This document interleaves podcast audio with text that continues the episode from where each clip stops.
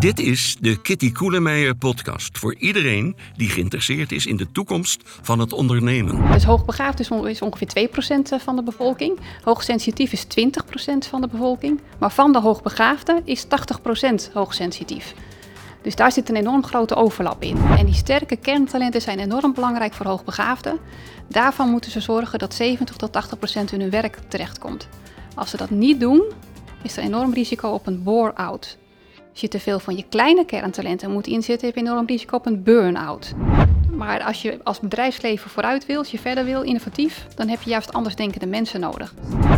In deze nieuwe aflevering gaat Kitty in gesprek met Wendy Aanschoten. Wendy is voorzitter van de vereniging Mensa Nederland, een organisatie voor zeer intelligente mensen. Ze heeft een coaching- en adviespraktijk voor hoogbegaafde volwassenen. Kitty spreekt met Wendy over de voor- en nadelen van hoogbegaafdheid en hoe bedrijven hoogbegaafde werknemers het beste kunnen inzetten. Wendy, fijn dat je er bent. Dankjewel eh, Kitty, bedankt voor de uitnodiging, leuk.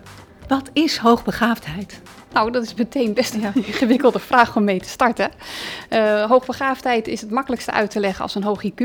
En dan gaan we uit van uh, 130 uh, en erboven. En een gemiddeld IQ is 100. En bij twee standaarddeviaties erboven 130 en meer spreek je van hoogbegaafdheid. Maar veel hoogbegaafden herkennen zich in het Delphi-model. En dat, dat gaat ervan uit dat een hoogbegaafde is een snelle en slimme denker die complexe zaken aan kan. Autonoom, nieuwsgierig en gedreven van aard. Een sensitief en emotioneel mens, intens levend. Hij of zij schept plezier in creëren. En al deze factoren samen zie je veel terug in de hoogbegaafde. Maar natuurlijk ook in mensen die Ja. het niet herkennen in hoogbegaafdheid. Ja, want hij lijkt ook wel een beetje op die van een hoogsensitief persoon. Ja, en nu, nu, heb je, nu heb je natuurlijk heel veel mensen die, die zich hierin herkennen, die misschien niet dat IQ van 132 of hoger hebben. Wat, wat is dan toch het verschil? Het, nou, het verschil zit er- erin dat, eh, hoe snel je dan denkt. En hoe, hoe complex de zaken zijn die je aan kan. En hoe intens je leeft. Hoe gedreven je bent. En natuurlijk herkent iedereen wel een pijler daarvan. Ja, Het is natuurlijk niet eh, dat, u, dat je wel of niet hoogbegaafd bent met precies eh, één IQ-punt verschil. En dat zit natuurlijk een glijdende schaal. en je, hebt, je sprak ook over hoogsensitief. Wat is dan hoogsensitief en wat is het verschil? En ik hoor natuurlijk in het dagelijks leven heel vaak die woorden door elkaar gebruikt. Heel veel ouders denken ook dat hun kinderen en hoogbegaafd en hoogsensitief zijn. Ja. Ik weet niet of dat zo is, maar ik denk dat ik hoor het vaker dan bij 2% van de ouders, laat ik het zo Ja, zeggen. ja, dat klopt. Maar hoe zit dat met hoogsensitief, hoogbegaafd? Ja, dus hoogbegaafd is, on- is ongeveer 2% van de bevolking. Hoogsensitief is 20% van de bevolking. Maar van de hoogbegaafden is 80% hoogsensitief. Dus daar zit een enorm grote overlap in. Maar het is, je hebt dus heel veel meer hoogsensitieve personen die niet hoogbegaafd zijn. Ja, en hoogbegaafdheid gaat, draait in de eerste plaats om IQ. Dat kun je meten met IQ-tests, intelligentietests en hoogsensitiviteit. Ja, daar, daar zitten dus ook veel kenmerken bij die, eh, die Ja. je net voorlas. Ja, Die- want hoogsensitiviteit, Elaine Aron eh, uit Amerika, die heeft daar een, eh, een, een boek over geschreven, onderzoeken naar gedaan. Dus hij heeft een vragenlijst ontwikkeld. En als je dan zoveel vragen positief beantwoordt, kun je jezelf beschouwen als een hoogsensitief persoon. Maar jij bent bij Mensa vooral gericht op hoogbegaafdheid. Mensa is een vereniging die alleen kijkt naar heb je een IQ-score boven de 132. En in die IQ-score, daar zitten zaken in als eh, verbaal-linguïstische in- intelligentie, logisch-mathematisch, visueel-ruimtelijk. Dekt die IQ-test de lading? Vind je dat die IQ-test doet wat hij moet doen? Nee, nou in zoverre, een IQ-test is natuurlijk ooit ontwikkeld door iemand die eh, zich wilde richten op de onderkant. Mensen die, die graag kinderen wilden helpen, die niet zo goed presteren op school. Daar is de IQ-test ooit voor ontwikkeld, om die kinderen eruit te halen en dan te kunnen helpen. Maar we zien nu tegenwoordig dat het wordt gebruikt om juist de kinderen met een hoog IQ eruit te halen. Maar daar is die test nooit voor ontwikkeld. Maar we hebben niet iets beters. Dus voor nu denk ik, we moeten het hiermee doen. Maar we moeten niet afkappen als een kind eh, 129 scoort, dat hij dan dus niet hoogbegaafd zou zijn.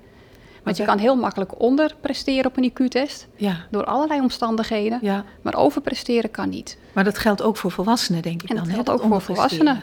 Zeker. Er zijn mensen die, die van zichzelf denken, ik herken me in hoogbegaafdheid, doen een IQ-test en dan heel teleurgesteld dat er toch niet het getal uitkomt wat ze hadden gehoopt. Maar ja, als je in een burn-out zit of in een depressie, dan kan dat zomaar een aantal punten schelen. Maar jullie bij Mensa hechten dus wel een echte grote waarde aan dat Ja. getal 132. Ja. Bij Mensa kun je alleen lid worden als je op een erkende IQ-test 132 of hoger hebt gescoord. Klopt. Denken jullie ook na over wat intelligentie is? Hè? En of er niet, niet veel meer soorten intelligentie nog zijn? Zijn jullie actief betrokken bij het ontwikkelen van nieuwe intelligentietests bijvoorbeeld? Nee, niet per se. Nee, we, daarvoor hebben we een psycholoog in, uh, die, die, nemen we aan, die gaat over de testen. En dat, dat kopen wij in. Dus mensen zelf houdt zich daar niet mee bezig. En mensen die zich herkennen in die definitie, hè, die denken misschien ben ik wel hoogbegaafd, want 2% van de bevolking heb je het over. Dat zijn toch behoorlijke aantallen. Ja. Kunnen, die dan, kunnen die dan bij jullie een, een oefentest doen? Kunnen die een idee krijgen ja, bij hoe hoog een IQ we, is? Ja, bij mensen kan je dus een, een toelatingstest doen. Dat is een IQ-test. En voor 70 euro kan je die uh, doen, dus dat is veel goedkoper dan dat je het bij een psycholoog doet, wat natuurlijk ook kan. Als je toevallig bij een psycholoog al een IQ-test hebt laten afnemen en, en, die scoort 132 of hoger, dan is het natuurlijk ook prima om die uh, in te leveren. Maar anders kun je bij mensen zelf een toelatingstest doen. Die, uh, dan ben je een middag of een ochtend kwijt met een heel brede vragen over, op allerlei vlakken. En daar, als daar 120 of hoger uitkomt, of eigenlijk boven twee percentage, percentiel scoren, dan kun je lid worden van Mensa, dan, dan weet je IQ. Maar ze kunnen niet oefenen. En dan denken, het, het, uh, ik probeer het even uit. Oh, en, zo. Ja. We hebben een oefentest op de website staan. Uh, die geeft een kleine indicatie. Maar we zien wel dat die uh, iets aan de makkelijke kant is. Maar het geeft wel een beetje een beeld van wat een IQ-test kan zijn. Maar het is heel eenzijdig, die op de website ja. staat. Je hebt natuurlijk veel meer IQ-testen online. Um, die zijn allemaal wel een beetje bedoeld om je goed gevoel te geven. Dus vaak komt daar een hogere score uit dan een echte IQ-test. Dat moet je wel even realiseren. En nou ben je voorzitter van Mensa. Dat ja. betekent dat je zelf ook hoogbegaafd bent. Wat brengt Mensa jou? Wat, wat, wat doet het voor jou om lid te zijn van een groep waar hoogbegaafden elkaar vinden? Nou, het is heel fijn om gewoon met gelijkgestemden te zijn die het snelle denken en het complexe denken ook snappen. Dat je van de hak op de tak springt en dat iedereen dat normaal vindt. Terwijl in het dagelijks leven dat wel eens ingewikkeld is. Want waar heb jij het nu weer over? En wat zijn je gedachten weer helemaal afgedwaald? Binnen mensen is dat veel meer geaccepteerd.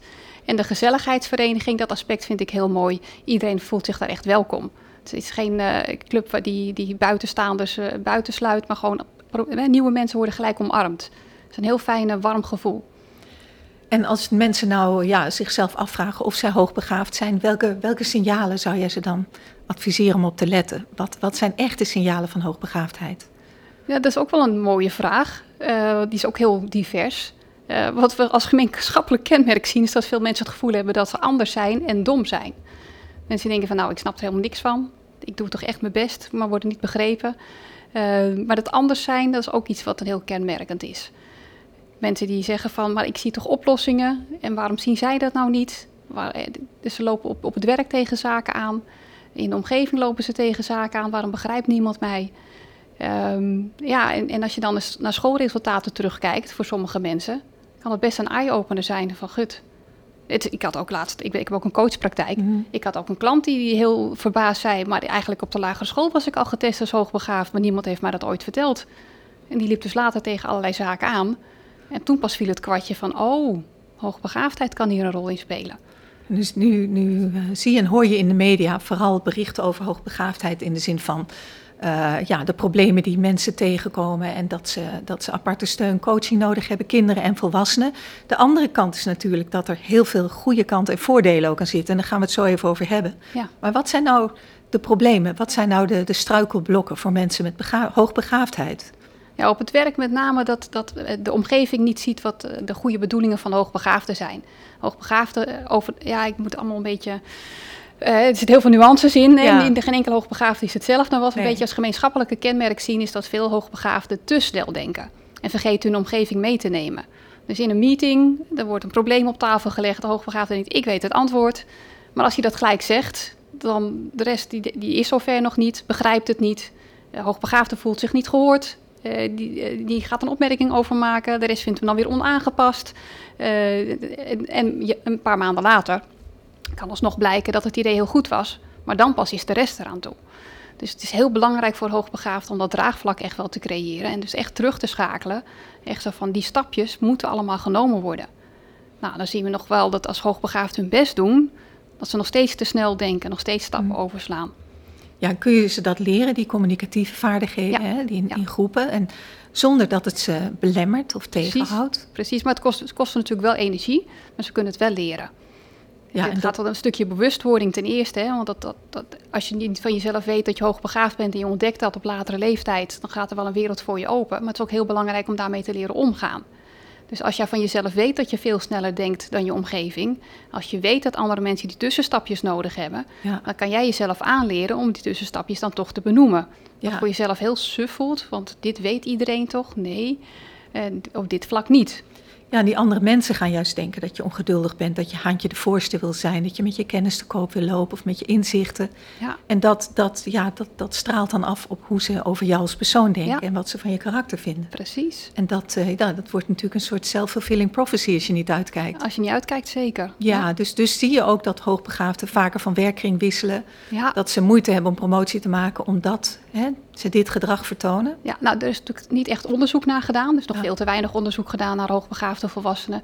Maar uit mijn praktijk en de mensen die ik spreek, weet ik echt wel dat mensen dat echt lastig vinden. dus promotie maken wordt ingewikkeld, want de manager vindt het niet fijn als iemand meer weet dan hij of zij zelf.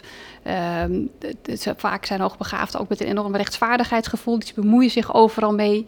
Ja, in een politieke, uh, politieke omgeving wordt het allemaal niet zo gewaardeerd als het allemaal uitgesproken wordt. Dus die, die ongeschreven regels, daar hebben hoogbegaafden echt wel moeite mee. En ze vervelen zich snel. Als ze zich, als ze zich een poosje met hetzelfde werk hebben bezig gehouden, dan willen ze weer wat anders.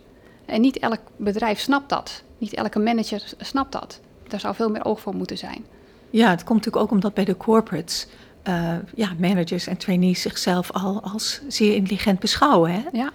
En dan, uh, terwijl, terwijl studies over leiderschap laten zien dat leiders eigenlijk een net iets hoger dan gemiddelde intelligentie hebben. En dat, dat is natuurlijk ook goed te begrijpen, want dat zijn natuurlijk de groepen, de mensen die, die met je werken, die je moet kunnen aanspreken. En dan, dan, dan moet je daar iets gemeenschappelijks hebben. Precies. Dus dat, uh, maar, te, maar tegelijkertijd is het natuurlijk jammer dat, dat zo op die manier mensen niet tot hun recht komen.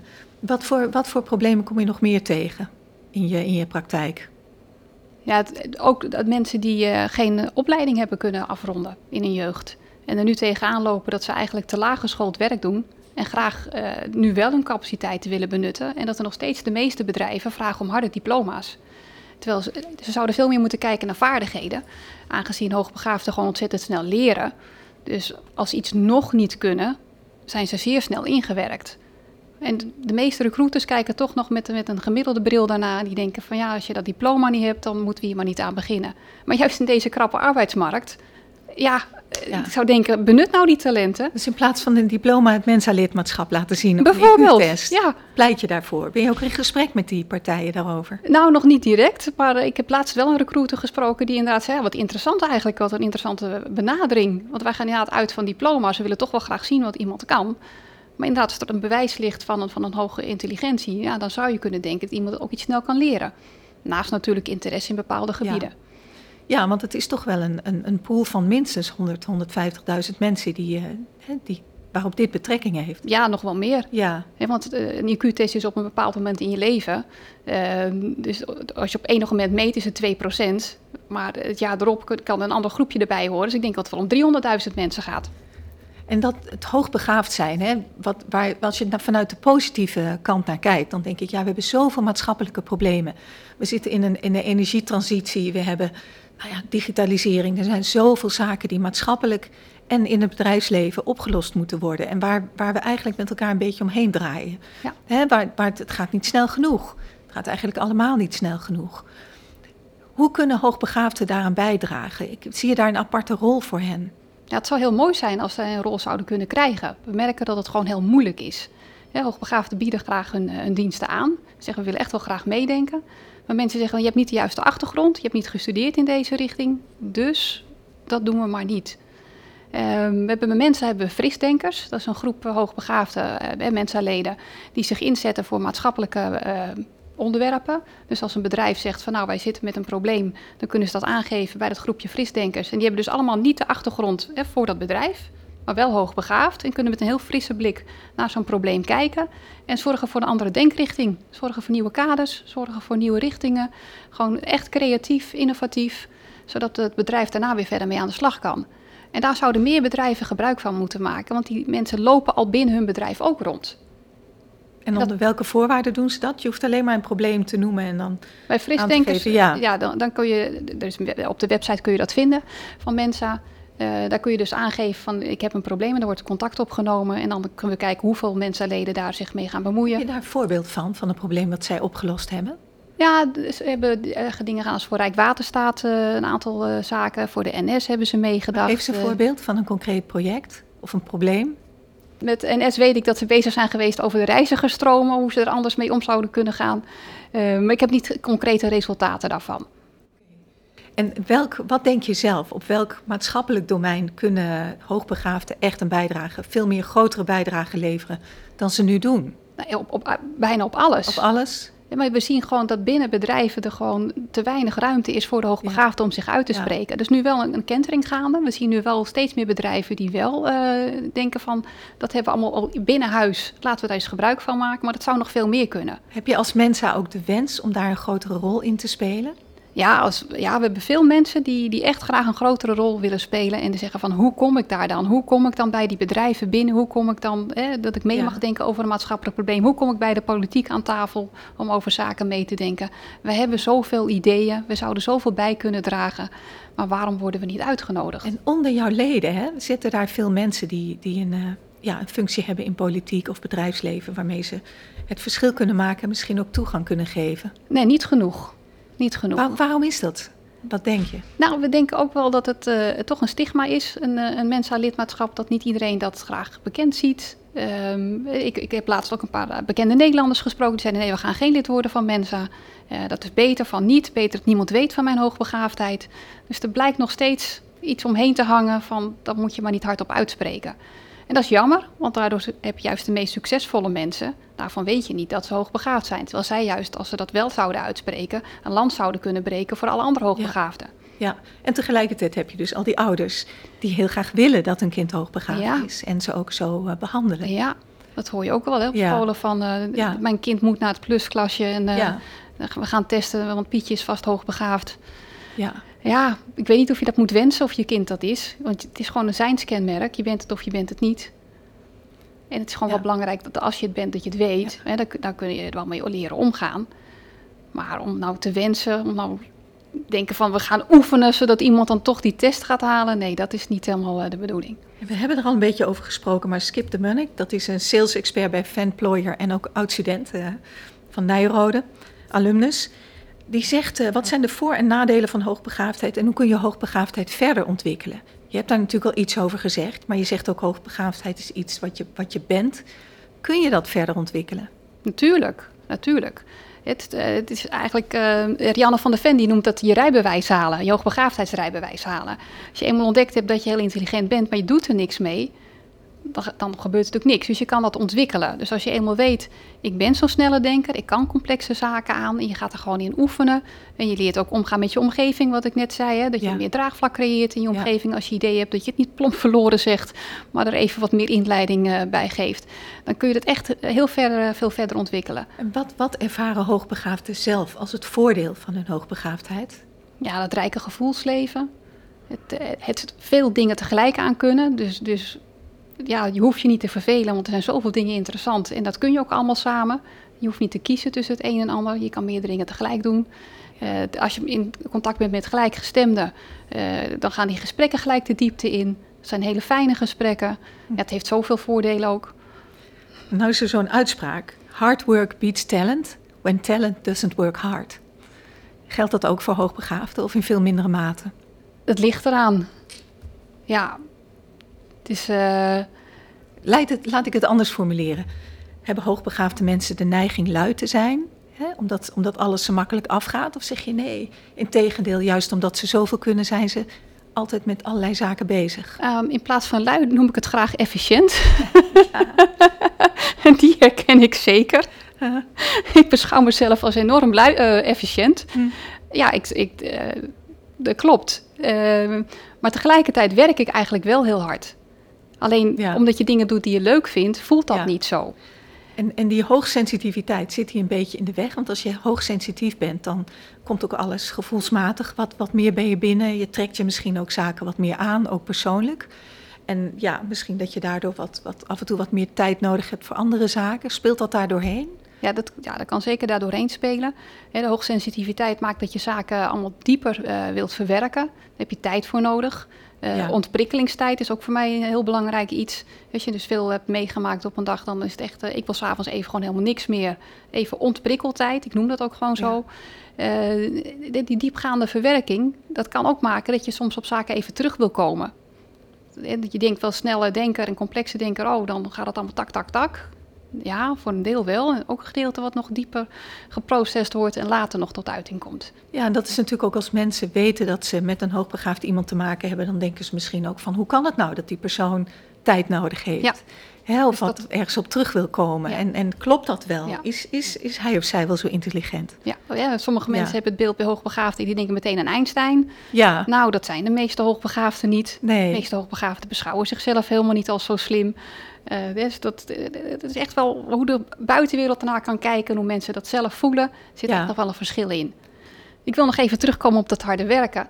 Um, ik werk zelf graag met de kerntalentenanalyse methode, die uitgaat van wat de energiegevers en energielekkers zijn van uh, mensen. En die is bij uitstek geschikt voor hoogbegaafden, omdat we zien dat heel veel hoogbegaafden goed worden in van alles, maar dat niet per se leuk vinden. Dus met deze methode uh, kun je ontdekken waar je nou energie van krijgt. En waar je energie van krijgt, daar hoef je niet zo hard voor te werken. Dat gaat vanzelf, dat gaat in een flow. Dat voelt niet als hard werk, doe je natuurlijk wel, maar zo voelt het niet. Terwijl als je met je kleine kerntalenten, dat zijn je energielekken, ja, de hele wereld zegt, daar ben je zo goed in, je krijgt er complimenten voor, en je loopt er gewoon op leeg. Dat is keihard werken. Geef eens een voorbeeld. Hoe, hoe ziet die analyse eruit? Welke onderdelen heeft die? De kerntalentenanalyse is een methode uh, in België ontdekt door uh, Danielle Krekels. Die gaat uit van wat je in je jeugd leuk vond om te doen. Kun je vertalen in 23 kerntalenten. En wat je in je jeugd leuk vond om te doen. Jeugd, hoe oud? 11 jaar? Zoiets? Van uh, eh, 4 tot 12 jaar. Dus de basisschoolleeftijd. Uh, dan wordt er gevraagd van, vond je het leuk om te spelen met Lego of met Barbiepoppen of speel je met oudertjes of buiten? En dan wordt er gevraagd, hoe leuk vond je dat dan? er wordt een vragenlijst eerst online en dan gaan we nog in een diepgaand interview gaan we dat helemaal uitpluizen.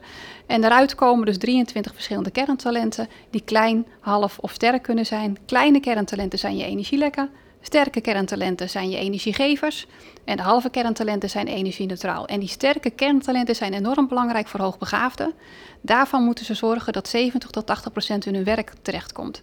Als ze dat niet doen, is er enorm risico op een bore-out. Hm. Als je te veel van je kleine kerntalenten moet inzetten, heb je enorm risico op een burn-out. Ja, maar nou. dat, is natuurlijk veel, veel discussie over die termen, hè? burn-out, bore-out. Er zijn uh, psychiaters die zeggen, ja, burn-out bestaat helemaal niet. Ja. Dat, uh, dat komt helemaal niet in de, in de literatuur voor. Nee, niet in de DSM. Nee. Nee, maar je, je ziet gewoon, hè, iedereen herkent wel mensen in zijn of haar omgeving die uh, een burn-out hebben. Dus je kan wel zeggen dat, dat die term niet klopt. Je kan zeggen dat de ziekte niet bestaat, maar mensen hebben er last van, uh, vallen hoe, uit. Hoe onderscheid je een bore-out van een burn-out? Nou, een, kenmerken? Die kenmerken lijken enorm op elkaar. Je moet nou, echt kijken naar de, naar de oorzaak. Ja. met een burn-out heb je gewoon te veel gedaan op dingen die je echt uh, energie hebben gekost. En bij een bore-out heb je je eigenlijk verveeld. En dat, dat is een beetje een rare term, want mensen zeggen, ja. maar ik werkte gewoon 40 uur, dus eh, ik had toch geen tijd om me te vervelen, maar toch mentaal afwezig, mm. op het op, gewoon op routine zaken doen. Bij hoogbegaafden komt dat gewoon heel snel voor, dat mensen dan toch uh, verveeld raken. Uh, allemaal zaken erbij gaan pakken om maar die boor, boorhout op te lossen. Maar voor je het weet krijgen ze allemaal de rotklussen toegeschoven. Ja, en daar zit ik ook niet op te wachten. want, daar zijn ze zo goed in. Een mengeling met een burn-out er doorheen. Dan ben je nog verder van huis. Maar die kerntalentenanalyse kan eigenlijk iedereen doen, hè? Ja, Alleen voor hoogbegaafden is hij nog relevanter, hoor ik je zeggen. Ja, klopt. Iedereen kan, iedereen, iedereen kan een kerntalentenanalyse laten doen bij een uh, erkende analist. Kun je op de website vinden. Van het is niet uh, puur online, je moet echt wel naar een analist toe. Ja, ja, dat klopt. Ja, want het gaat echt over de, ehm, juist dat diepte-interview. Hoe speelde je dan vroeger ermee? Dat, dat maakt het verschil. Dus dat is heel belangrijk. Maar is dat ook iets wat je aan bedrijven zou aanraden? Van, Zeker. Doe dat gewoon voor je, voor je voor je mensen, of voor nieuwe mensen. Om, om te, hè, nu, nu zie je natuurlijk uh, Big Five persoonlijkheidstests. Je ziet uh, allerlei uh, ja, typeringstesten met kleuren of weet ik wat. En daar, daar wordt ook wel eens van gezegd... dat is de astrologie van de kantooromgeving. Maar dit, dit is er een die, die denk ik niet, niet vaak wordt gehanteerd. Nee, die, die Big Five-test en die andere testen die, Five, die, die je net noemde... dat zijn testen die heel veel gaan over het nu. Ja, en dus de samenwerking in teams, hoe je teams moet samenstellen, dus wat je rol is. Over vijf jaar kan daar iets anders uitkomen. Bij de kerntalentenanalyse ga je terug naar je jeugd, dus dat is de rest van je leven geldig. Dat gaat niet meer veranderen. En bedrijven kunnen daar enorm veel aan hebben, omdat ze dan zien of iemand nou juist uh, heel gelukkig wordt van in een team samenwerken, beter alleen kan werken, of iemand juist analytisch is ingesteld, of iemand nou juist uh, op allerlei vlakken, daar heb je gewoon wat aan. En op elk niveau. En op welk niveau. Kun je dat ook doen. En uh, het, hij is juist zo geschikt voor hoogbegaafden. Die voelen zich meestal in een hokje niet passen. Nee, dus je hebt MBTI, heb je 16 verschillende persoonlijkheden. En een hoogbegaafde zegt, ja, ja. wat hier nou uitkomt, voor mij geldt het niet. Maar de kerntalentenanalyse heeft 94 miljard verschillende uitkomsten.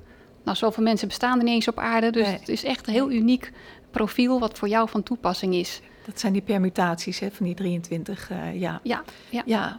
Oh. En als je dan eenmaal dat van jezelf weet, dan kun je dus woorden geven aan wat hoogbegaafdheid voor jou betekent. Dan kun je het ook makkelijker uitleggen op je werk bijvoorbeeld. Van waar het er nou in zit. Hoe de hoogbegaafdheid bij jou zich uit. Hoe wijdverbreid is nou dat werken met die kerntalentenanalyse? Nou, nog veel te weinig. Er zouden echt veel meer bedrijven gebruik van moeten maken. Is dat heel fragmentarisch of, of is het toch al wel bekend? Het begint steeds bekender te worden. Ja, uh, er is een uh, club hoogbegaafd in bedrijf wat daar heel mee bezig is. Ook met de recruitment, om dat bedrijven binnen te krijgen. Maar er zouden veel meer bedrijven nog gebruik van kunnen gaan maken. Maar zijn er dingen die je mensen kan aanraden van lees dit eens, dat is een, een eye-opener. Of lees dat, dat helpt je ook omgaan met hoogbegaafde nou, mensen. Nou, wat heel belangrijk is, is uh, we hebben een boek Hoogbegaafdheid voor Dummies. Dus dat is een kleine uitgave uh, die je gemakkelijk als manager ook eens gewoon uh, door kan bladeren. Als je denkt, ik heb misschien wel hoogbegaafde medewerkers. Ja. Als je zelf ontdekt hebt dat je hoogbegaafd bent, zou je hoogbegaafdheid zet je gaaf intelligent in van Rianne van der Ven en Nox Nauta eens kunnen lezen. Ja, die zetten we in de links. En Mensa is natuurlijk een internationale ja. organisatie. Ja. Doe je veel met de andere afdelingen? Nee, we doen niet, nee, niet op dit vlak wel op het sociale vlak. Hè. Er zijn allerlei uh, bijeenkomsten. We bijvoorbeeld de Mensa bestaat volgend jaar 60 jaar. En dan halen we de EMAG naar Nederland, de European Mensa Annual Gathering. Um, dus daar zijn we heel blij mee dat we dat mogen organiseren. En ja, dan komen er gewoon duizend mensen uit uh, heel Europa naar Rotterdam toe om dat samen met ons te vieren. 80% van de hoogbegaafde mensen is ook hoogsensitief. Zit daar iets in het brein? Zit daar iets biologisch? Ja, dat, dat, dat, is iets heel, ja, dat is een heel interessant onderwerp. Uh, daar zijn, uh, dokter Swaap, uh, Dick Swaap is daarmee bezig om dat te onderzoeken. Maar dat valt allemaal nog niet mee om dat nou precies te kaderen waar in het brein dat nou zit. Maar er wordt wel onderzoek naar gedaan om dat toch te kunnen visualiseren. Waar dat dan in het brein precies zit. Dus het heeft wel te maken met de snelle synapsen, de snelle informatieoverdracht binnen de hersencellen. Ja. Maar men weet het gewoon nog niet precies. Wat, wat weet men wel? Is er iets wat je al kan delen, wat er al wel bekend is? Nee, dat het allemaal nog in onderzoek is. Allemaal in onderzoek, geen hormonale, geen argumenten. We weten dat hoogbegaafdheid uh, aangeboren is en voor gedeelte erfelijk, maar ook daar weten we niet genoeg van in welke mate het erfelijk is. Ja, dat is natuurlijk nature-nurture. Hè? En ja. heel veel IQ-tests kregen als kritiek dat ze een bias hebben naar cultuur. Ja. En dat ze ook positiever zullen zijn van mensen die sociaal-economisch iets uh, beter getroffen hebben. Klopt. En heb, is die bias inmiddels weg of zit hij nog steeds in die testen? In veel testen zit hij nog steeds. Hoe gaan jullie daarmee om? Hoe, hoe divers is het, uh, zijn de leden van Mensa? Ja, nog te weinig. Cultureel of andere manieren? Daar, daar proberen we echt aandacht ja. aan te besteden dat dat veel breder zou moeten. Maar inderdaad, onze test die wij doen is nog heel cultureel bepaald. En net als mensen die dyslectisch zijn, die zullen ook moeite hebben met zo'n IQ-test, omdat er veel talige onderdelen in zitten. Ja. ja. Maar dan zie je niet een enorme piek hè, een spike op andere onderdelen. Hè? Dat je denkt, misschien moeten we daar nog eens naar gaan kijken. Nou, wij, wij zien die uitslagen niet. Hè? Dit, oh, uh, die, die, die, test wordt uh, gedaan onder uh, toezicht van een psycholoog. Dat is de, die is degene die die testen beoordeelt. Ja. Het enige wat Mensa terugkrijgt is dat Pietje, Jantje en Klaasje bij het bovenste twee percentiel scoren horen en uitgenodigd kunnen worden om dit te worden van Mensa. Mensen krijgen zelf hun uitslag, maar wij, wij zien dat helemaal niet. Dus wij zien ook niet, uh, want het zou hartstikke leuk zijn, ik ben dol ja. op onderzoekjes. Ja, nee, maar ik bedoel, zo'n psycholoog zou natuurlijk ook kunnen zeggen... ik zie enorme spikes op, op ja. twee van de drie onderdelen... en op de taligheid wat minder. Kijk er eens naar. Ja, maar dan moet je dus een onderzoek doen bij een eigen psycholoog... die gewoon ook een verslag daarvan schrijft. Ja, en dan... Die 70 euro die mensen daarvoor vraagt, kan, kan dat niet. Maar dat is natuurlijk een horde hè, die mensen dan nemen. Want in intelligentie, zeker het aangeboren deel... kun je toch vanuit gaan dat dat redelijk uh, gelijkmatig gespreid is... Sociaal-economisch, maar ook Absoluut. cultureel. Er zit natuurlijk een beetje een zelfselectie in. Maar dat, uh, maken jullie je daar zorgen om? Ja. ja wat, wat doen jullie daaraan? Nog te weinig. Ah. We, hebben heel veel, op heel veel vlakken willen we wel iets aanpakken. Maar we zijn natuurlijk wel een vrijwilligersvereniging. Uh, dus uiteindelijk moet het allemaal wel naast onze gewone baan uh, nog gedaan worden. Dus we kunnen altijd nieuwe handjes gebruiken, altijd nieuwe vrijwilligers gebruiken die die dingen gaan oppakken. Want ja, er is heel veel nog te onderzoeken. En dit is er ook zo eentje. Ja. Onze culturele diversiteit is veel te, veel te, te laag. We hebben toch vooral de blanke mensen die nu lid zijn van Mensa. En wat jij zegt heel terecht, het is niet ras bepaald uh, nee. of, of iemand intelligent is of niet. Maar de, ja, de testen tot nu toe blijken toch wel gebiased te zijn. Daar heb je helemaal gelijk in. Ja. ja, je zou daar natuurlijk iets aan kunnen doen. Hè? Die, met de leuke donaties die de frisdenkers binnenhalen. Daar zou je natuurlijk wat, uh, wat op kunnen, kunnen doen. Precies. Marieke Vink, hè, programmamanager bij Shopping Tomorrow. Zij zegt, hoe kan mensen hoogbegaafde jongvolwassenen beter bereiken? Hè, welke hoe kunnen ze dat doen? Wat doen ze daaraan? Ja, dat is een vraagstuk wat we zelf ook hebben opgeworpen. Want we hebben het wel een ledenbestand wat wel wat ouder is. En we willen juist de jongeren ook bereiken. Dus er zijn ideeën geopperd. Misschien moeten we meer bij universiteiten ons bekendmaken. Want is mensen eigenlijk wel bekend genoeg? Uh, is een vraag. Ja. Daarom willen we de EMAG komend jaar ook enorm aangrijpen om daar iets heel groots van te maken en veel meer media-aandacht te genereren, zodat we ook bekend raken bij het jongere publiek. Ja, en ik kan me ook voorstellen, wat, wat, wat brengt Mensa, wat brengt het lidmaatschap, hè? anders dan gezelligheid. Ik, ik, denk juist als je laat zien dat je mooie projecten, maatschappelijke zaken of problemen in het bedrijfsleven kunt oplossen met elkaar. Dat heeft natuurlijk enorme aantrekkingskracht, want dat is wat je wil. Ik denk dat mensen die hoogbegaafd zijn impact willen hebben ja. met hun hoogbegaafdheid. Klopt. Klopt. En, uh, maar daar, dat onderzoeken jullie ook niet, wat, hoe zij daarover denken? Of? Daar loopt nu ook een onderzoek naar. Mm we zijn met zoveel dingen tegelijk bezig. maar we hebben echt gewoon uren tekort. We hebben echt gewoon handjes tekort. Dus het is echt een interessant onderwerp van hoe halen we die jonge mensalen, de potentiële mensalen binnen. Ja. ja, dat vinden we echt nog wel ingewikkeld. Hoe bereiken we nou die doelgroep? En dat, dat sluit ook wel aan bij wat uh, Roland Klarenbeek zegt van de Hanse Hogeschool Groningen. Hij is daar projectmanager en senior advisor regionale ontwikkeling. Hij zegt ja, iets meer dan 4000 leden op een, een bevolking van 17,5 miljoen. Dat is natuurlijk, en, hè, netjes gezegd, een enorme groeipotentie. Wat ga je daaraan doen? Wat, wat zijn je prioriteiten? Wat, wat, wat, wat wil je daarmee? Ja, dus we willen graag meer mensen binnenhalen, maar dat is niet ons hoofddoel. Nee. ons hoofddoel is gewoon die vereniging uh, draaiende houden. Met daar genoeg leuke activiteiten voor de, voor de leden te kunnen organiseren. En uh, natuurlijk wil wel meer exposure, want we horen nu van mensen die wisten niet van het bestaan van mensen. Kijk, en dat is zonde. Wat zou jouw favoriete activiteit zijn om dichter bij dat doel te komen, namelijk die hoogbegaafdheid een, een belangrijkere rol te geven in de samenleving? Of in ieder geval de impact die deze mensen kunnen maken om daar een bijdrage aan te leveren? Nou, wat ik zelf heel belangrijk vind, is uh, in ieder geval dat er gewoon veel meer bekendheid komt over hoogbegaafdheid. Hè. Dus daarom geef ik ook workshops bij bedrijven erover. Uh, om toch maar die olievlek te verspreiden. Uh, want je moet ergens beginnen. zodat gewoon veel meer mensen bekend raken met het concept. Wat het inhoudt, wat de voordelen zijn, wat eventuele nadelen kunnen zijn. Maar dat binnen elk bedrijf er ook hoogbegaafden rondlopen zodat die gebruikt kunnen worden binnen dat bedrijf om allerlei problemen op te lossen. En nu ben je zelf ook hoogbegaafd. Wanneer, hoe kwam je daarachter en op welke leeftijd? Um, ik, nou, dat was al een jaar of tien geleden, denk ik. Het uh, was eigenlijk via mijn oudste zoon. Die, uh, die had wat problemen op school. En uh, god, wat is er met het kind aan de hand? En je gaat wat koekelen. En toen kwam ik ook met de term hoogbegaafdheid kwam ik tegen. En toen dacht ik, goh, zou dat het zijn? Nou, dat werd weggelachen door mijn man. Die zei, dat komt bij ons in de familie niet voor. Dus dat heb ik terzijde gelegd. We hebben hulp geregeld voor onze zoon en dat is allemaal uh, goed gekomen. En dat bleef wel een beetje zo etteren. van, ja, dat hoogbegaafdheid, zou dat kunnen? Nee, dat kan helemaal niet. Dus ik heb dat een paar jaar onderdrukt. En uh, ik denk dat 2014 of zo was dat ik dacht, het kwam toch weer op mijn pad. Dat ik dacht, ik moet daar toch eens een keer wat mee doen. En toen ben ik bij een hoogbegaafde coach terechtgekomen. Nou, er ging een wereld voor me open. Kerntalentenanalyse gedaan. Dat heeft echt mijn leven veranderd. Want ik dacht, nu weet ik wel waar ik, welke kant ik op wil. En was de Mensa-test heb ik eigenlijk pas uh, in 2020 uh, gedaan. Dus ik ben nog niet eens zo lang lid van Mensa. Dat was voor mij dan echt het bewijs. Ook al was ik daarvoor voorzitter geworden. Ja. ja. maar ik was daarvoor al voorzitter van het IABV, het Instituut Hoogbegaafdheid voor Volwassenen. En daar was ik in 2019 bestuurslid geworden. Want ik dacht, ja, ik voel me wel gewoon echt thuis tussen de hoogbegaafden. Ja, Maar ik had dan toch wel de behoefte om ook dat getalletje dan ook nog een keertje op papier te zien. Maar dat inzicht, hè, dat, dat heeft je leven veranderd. Wat ben je gaan doen? Ja. Waar ben je mee gestopt? Nou, in ieder geval ik bedacht dat ik dat het dus klopte dat ik mijn werk iedere keer zo snel niet leuk Wat deed vond. je tot die tijd? Ik ben van, op, eh, eh, van oorsprong ben ik opgeleid als apotheker. Dus ik heb 18 jaar in openbare apotheek gewerkt, maar nooit langer dan eh, twee, drie jaar. En dan was ik weer zat, ging ik weer naar een nieuwe apotheek. Eh, heel lang gedacht dat het dan lag aan de mensen, of heel lang gedacht dat het aan de baas lag of aan de omgeving. En nu ik dan ontdekte van mijn hoogbegaafdheid, dacht ik, ah, maar er zit dus echt iets bij mezelf wat iedere keer die verveling veroorzaakte. Dus na dat 18 jaar dat circus te hebben gedaan, iedere keer een andere apotheek, wat altijd op hetzelfde neerkwam.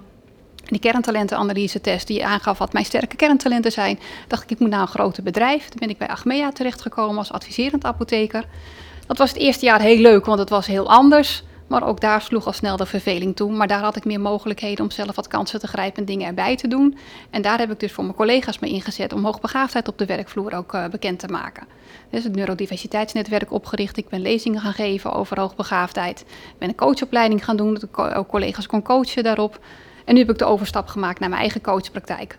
Uh, want dat is toch het leukste eigenlijk voor dit moment. En die neurodiversiteit, wat versta je daaronder? De gemeenschappelijke factor is allemaal de creativiteit. Um, dus die mensen heb je allemaal nodig in het bedrijfsleven. Dus ja. naast de hoogbegaafdheid heb je ook andere neurodiverse mensen nodig. Ja, dus hoogbegaafdheid valt onder neurodiversiteit. Ja, ja. dat is een andere manier van denken. En dat is gewoon belangrijk dat je weet dat je anders denkt dan de neurotypische mensen. Dat zijn de mensen zonder label. Uh, die noem je neurotypisch. Uh, ja. Dat zijn de mensen die elkaar gewoon blind begrijpen. Maar als je als bedrijfsleven vooruit wil, als je verder wil, innovatief, dan heb je juist anders denkende mensen nodig. Maar je zegt, we hebben het gehad over sneller denken, maar je zegt heel, veel, heel vaak, je zegt heel vaak anders denken. Ja. Wat, wat is dat andere dan? Wat is anders denken? Het, heb je daar een voorbeeld van? Nou, bijvoorbeeld uh, het rechtvaardigheidsgevoel. Hè? Dus een, een, een hoogbegaafde zegt van, de, ik, ik wil gewoon opkomen voor het belang van mijn collega's, want anders is het niet eerlijk. En het management ziet het als iemand die, die gewoon heel dwars ligt en niet gewoon even mee wil doen. Uh, maar die hoogbegaafde bedoelt het echt het, uh, vanuit het goede. Ja, echt van, vanuit, maar ik zie hier iets wat anders niet goed gaat.